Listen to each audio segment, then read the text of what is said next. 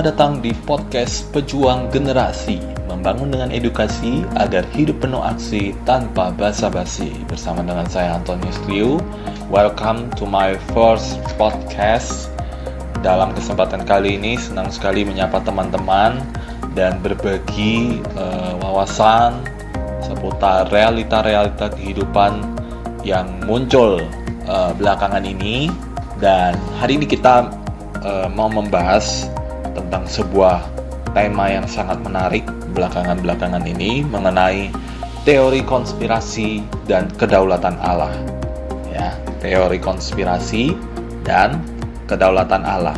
Mengapa tema ini penting? Tentu saja kalau kita lihat belakangan ini banyak sekali muncul berita-berita tentang teori konspirasi, baik itu secara global, dunia, ataupun juga di Indonesia secara khusus. Nah, apa yang dikemukakan oleh teori konspirasi. Mungkin teman-teman sebagian sudah googling dan searching berita-berita belakangan ini, jadi saya tidak akan jelaskan secara detail. Tetapi ada beberapa poin yang ingin saya sampaikan berkaitan dengan teori konspirasi ini. Yang pertama adalah kalau kita melihat teori konspirasi ini jelas uh, dalam bahasa sederhana adalah adanya suatu uh, konspirasi atau kita sebut mungkin uh, kong kali kong person kongkolan ya kalau kita lihat antara pihak-pihak tertentu yang menciptakan sebuah isu dan disebarkan kepada kalayak publik. Nah, dalam hal ini kita lihat COVID-19 ini dinilai sebagai sebuah konspirasi buatan para penguasa yang mencoba membuat isu ini begitu besar sampai-sampai mempengaruhi segala aspek kehidupan kita. Kalau kita lihat banyak negara akhirnya menjadi lockdown gitu ya, ekonomi terpuruk dan lain sebagainya.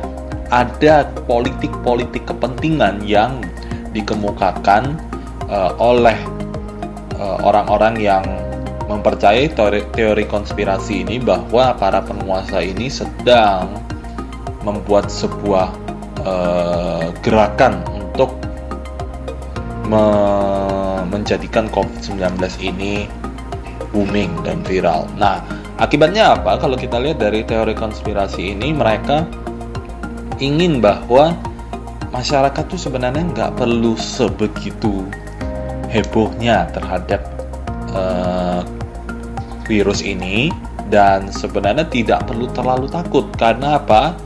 Beberapa data yang mereka coba kemukakan bahwa sebenarnya COVID-19 ini tidak sebegitu mengerikannya.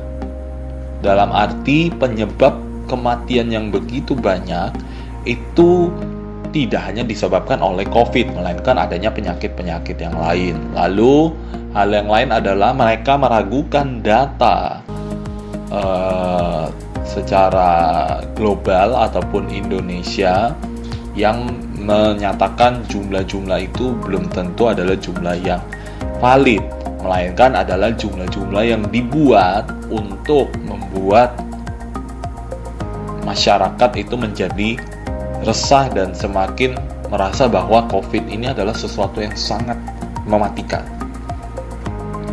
Di satu sisi tentu saja kita lihat ini adalah uh, sebuah bentuk penyeimbang uh, bagi pemikiran masyarakat yang mungkin saat ini sudah begitu sangat khawatir, sangat takut dan tidak mau keluar rumah selama ya kira-kira kita udah berjalan dua bulan ya uh, hampir dua bulan dan kita melihat bahwa ketakutan itu menjadi sebuah momok yang sangat mengerikan berkaitan dengan pandemi ini bukan hanya yang terjadi di sekitar kita tetapi apa yang disampaikan oleh media oleh berita-berita setiap hari kita disuguhkan berita-berita tentang COVID-19 sampai sampai sampai tidak ada lagi rasanya aura-aura positif berkaitan dengan pandemi ini. Nah, inilah yang coba diseimbangkan oleh orang-orang yang mengemukakan teori ini.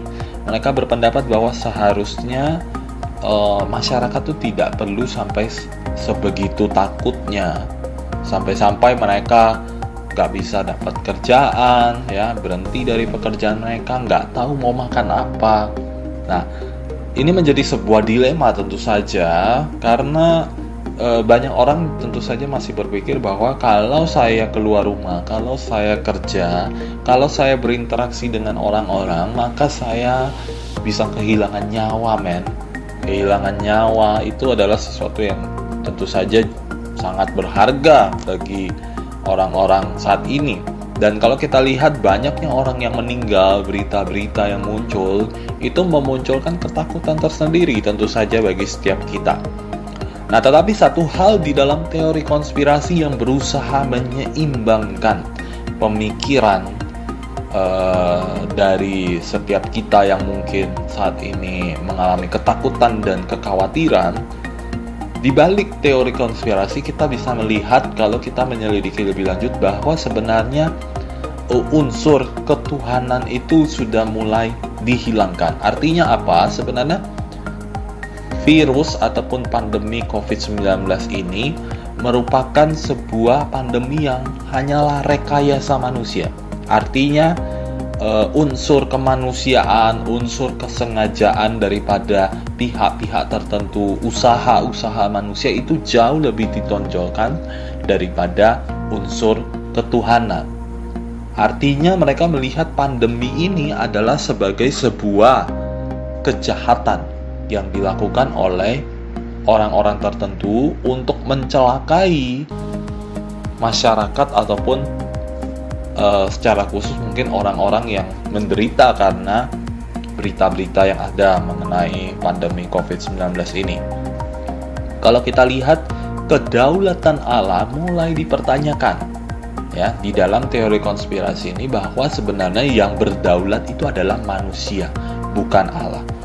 Dan teori konspirasi ini bukan hanya soal pandemi COVID-19, teman-teman. Kalau kita lihat, sebenarnya banyak teori-teori konspirasi yang muncul uh, pada masa-masa lampau, misalkan seperti teori konspirasi bahwa bumi itu datar.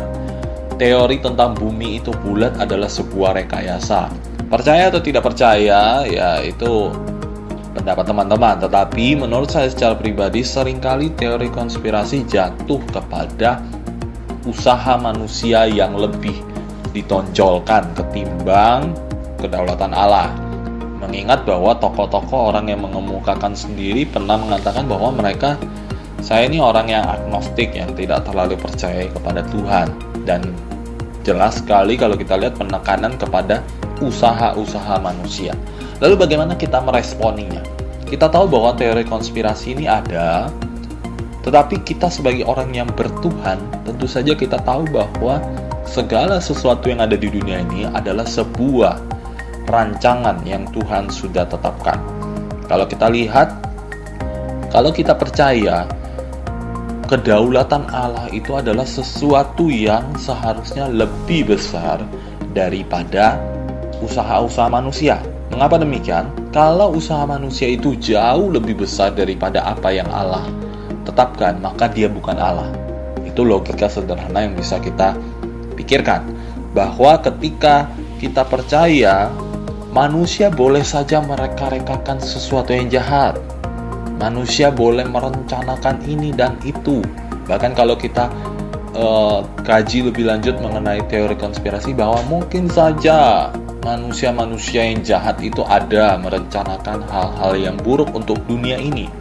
Tetapi kita perlu ingat bahwa meskipun manusia sudah mereka-rekakan sesuatu yang jahat sekalipun, maka di balik reka-rekaan itu atau yang kita sebut di balik konspirasi itu ada kedaulatan Allah yang jauh lebih besar yang akan mendatangkan kebaikan bagi setiap kita.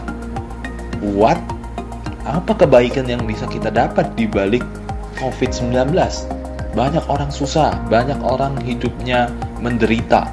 Yes, tidak bisa dipungkiri bahwa di balik pandemi ini ada penderitaan yang muncul bagi orang-orang yang terdampak akan pandemi ini. Tetapi kita perlu ingat bahwa kedaulatan Allah itu tidak hanya berbicara tentang sesuatu yang baik-baik saja. Di dalam sebuah penderitaan, maka kedaulatan Allah itu juga bisa dinyatakan bagi setiap kita. Lalu bagaimana dengan setiap kita yang mengaku memiliki dan percaya kepada Tuhan? Kita harus menyadari bahwa kedaulatan Allah itu adalah untuk sebuah kebaikan. Ya, kalau uh, di dalam sebuah buku yang baru-baru ini saya baca, jelas bahwa pemeliharaan Allah itu tetap terjadi meskipun pandemi ini sudah menyebar di dalam uh, keseharian kita di dalam seluruh dunia. Kalau kita melihat pandemi ini memang menyebar dan itu nyata terjadi. Tetapi pemeliharaan Allah itu juga terjadi di dalam uh, setiap kehidupan kita. Bahkan di dalam sebuah buku yang saya baca itu, di, dia mengatakan penulis mengatakan bahwa pemeliharaan yang pahit itu seharusnya juga kita hadapi dengan terus bergantung dan bersandar kepada Tuhan. Kita nggak bisa hanya menggantungkan diri kepada usaha-usaha manusia ataupun menyalahkan orang-orang yang jahat yang mungkin kita anggap uh, membuat atau merekayasa pandemi ini. Yang bisa kita lakukan saat ini adalah tetap berusaha bertahan di dalam sebuah penderitaan. Di dalam pandemi ini yang dialami bukan hanya orang-orang yang uh, miskin ataupun orang-orang yang tidak memiliki apa pun, tapi orang-orang yang mempunyai segala sesuatu pun terus diingatkan bahwa hidup ini hanya sementara kedaulatan Allah itu jauh lebih besar.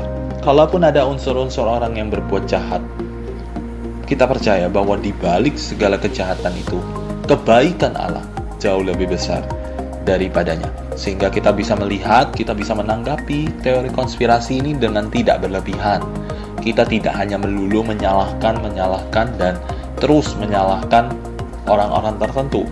Tetapi bagaimana kita bisa move on, kita bergerak maju di dalam penderitaan ini kita bertahan di dalamnya dan jangan lupakan Tuhan yang jauh lebih besar daripada segala sesuatu ini.